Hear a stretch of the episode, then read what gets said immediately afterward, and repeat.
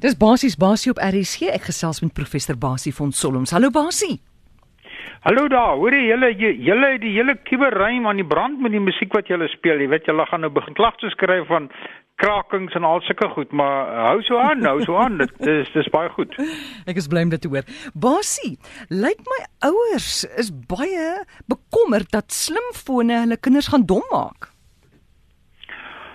O, ouens, ouers het uh, baie goeie redes om bekommerd te wees. Uh, uh, uh, jy weet, uh, ons het verlede week kortliks aangeraak en ek het heelwat kommentaar gekry van ouers hierdie week uh wat presies hierdie saak aanraak wat sê ons weet nie meer wat om te doen nie. Ons kinders is letterlik verslaaf aan hulle skermtoestelle of dit nou hulle tablette of hulle fone is.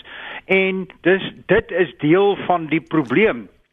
So terloops, ek het verlede week verwys na 'n boek wat ek dink ouers wat bekommerd is oor onderwysers uh wat verskyn het deur twee Amerikaanse onderwysers wat hierdie hele ding uitmekaar uittrek en wys hoe nadelig is hierdie opleiding van al hierdie skermtoerusting van skerms en televisies en en uh, slimfone en wat ook al.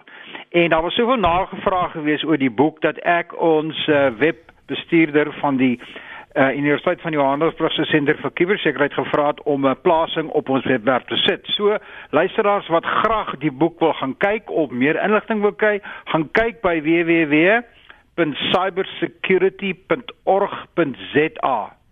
Uh daar's daar's 'n wyser na die boek wat te koop is en ek dink regtig, jy weet, uh, dit het my geskok, ek het al daaroor gepraat, maar meer en meer en ek het hierdie week ook van verslaggewers uh uh boodskappe gekry en telefoonoproepe gekry wat sê maar is dit werklik so ernstig mm. soos wat dit klink nou weer eens ek is nie 'n mediese ou nie ek is nie 'n sielkundige nie maar as ek sien van van die verslag as ek hierdie verslag sien as ek die verslag sien van hierdie kinderkommissaris in Engeland uh dan is ons besig mm. om uh, met met ons kinders uh, se opvoeding en hulle toekoms en hulle ontwikkeling te speel is daai boek is dit iemand geskryf is deur die twee onderwyseresse in Brittanje in in in Amerika. O, o, is in Amerika. Goed. Ja, dis definitief daai boek. O, o, o.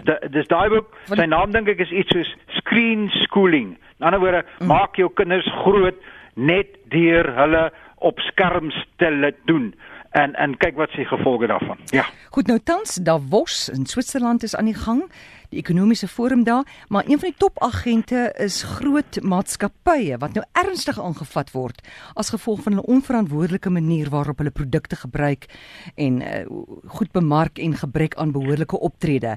Ons praat hier van kinderpornografie, terroristiese bedrywighede. Wat sê jy daarvan? Dink jy iets gaan goeds gaan nie uitkom? Dit, ek dink dit het ek is so bly daaroor. Jy weet jy sal al onthou en die luisteraars sal onthou ek het al 'n paar keer gepraat van hierdie arrogante groot maatskappye.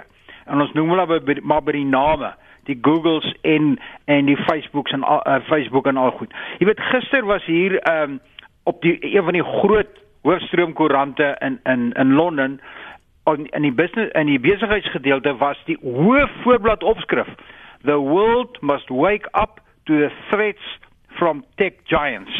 En hierdie tech giants, dis hierdie tegnologie maatskappye, mm. hierdie maatskappye wat hierdie sosiale netwerke ontwikkel. En jy moet lees wat in hierdie berig sê. Hoe hulle hierdie maatskappye aanvat. En hulle sê julle het net eenvoudig te groot geraak vir julle skoene. Julle dink julle gaan regerings voorskryf. Julle dink julle kan mense se data vat en opslurp en later alles van almal weet. Julle het arrogant geword. Julle weet nie eens wat in julle eie maatskappye aangaan nie. Julle hoofde is so ryk dat hulle ryker is as sekere van die lande van die wêreld. En julle julle gee net meer van hierdie produkte wat ons as gebruikers en en regerings net meer afhanklik en verslawend maak. Hierdie ding sê ek vir jou het my uh, amper laat opspring van my stoel af want ek dink dit moes lankal gekom het. Dit moes lankal gekom het en wat ons hier gaan kry en wat duidelik uitkom uit die gesprekke uit in in in Davos en by die wêreldekonomiese forum is dat ons gaan streng regulering begin kry. Ons gaan begin kry dat regerings vir hierdie sosiale netwerke gaan begin sê as jy hulle nie dit doen nie en as jy hulle nie dat doen nie en as jy byvoorbeeld ek gee 'n voorbeeld van wat ek dink die regering sou kon doen. As jy nie onmiddellike fasiliteit ontwikkel waar elke gebruiker en elke persoon wat sê Facebook gebruik onmiddellik kan sien watter data het julle van hom versamel hmm. of van haar nie dan gaan ons julle reguleer, dan gaan ons julle verbied om in die land werk te doen of uh, om om in hierdie land ehm um, julle julle uh, um, profile te laat uh, skep.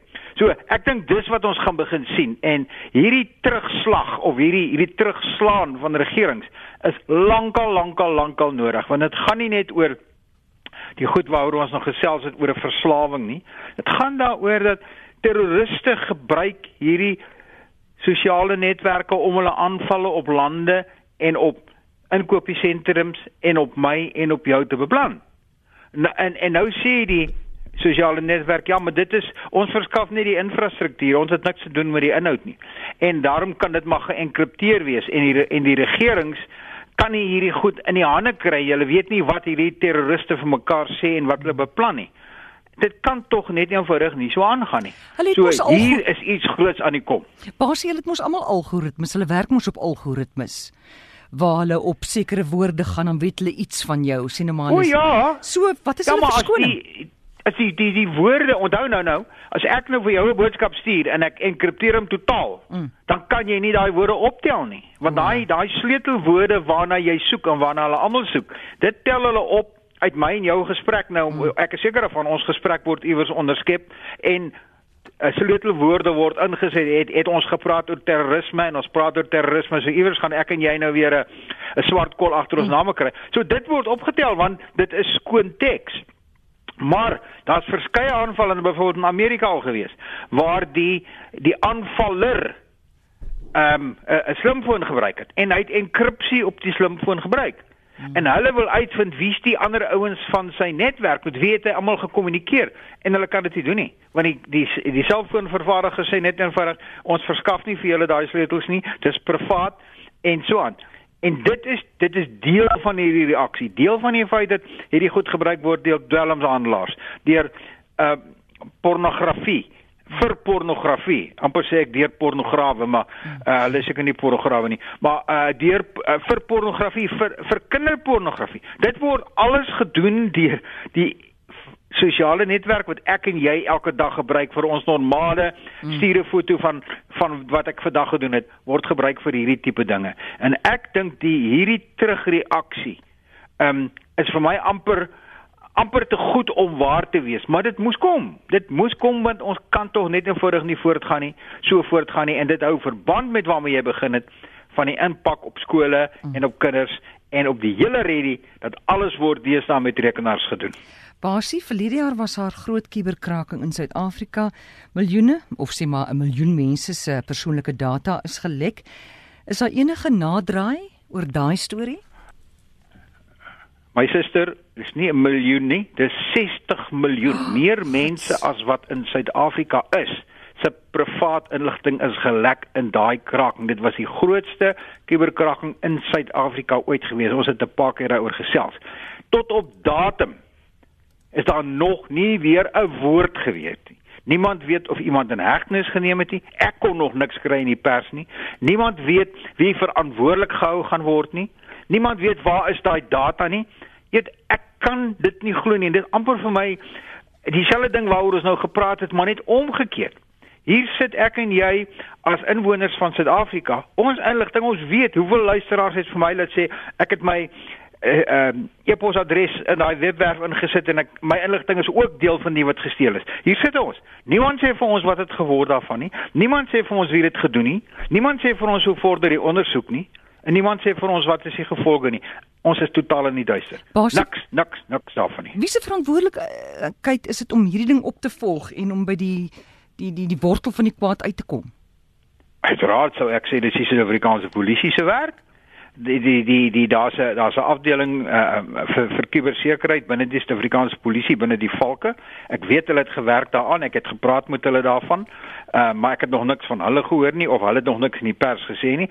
So heel waarskynlik is hulle besig, maar dit kan tog nie so uh wetenskaps kennis wees of uh, wat ook al uh om uit te vind wie dit gedoen het nie. En ek dink hulle het toe al geweet, toe daai ding gebeur het, het hulle al geweet wie dit gedoen het. Maar hmm. iewers word die ding gedraal of gestaak of of onderdruk en hier sit ek en jy as kippies en en ons is die slagoffers. En dit is wat hmm. gebeur met die groot tegniese maatskappye wat vir ons hierdie produkte gee.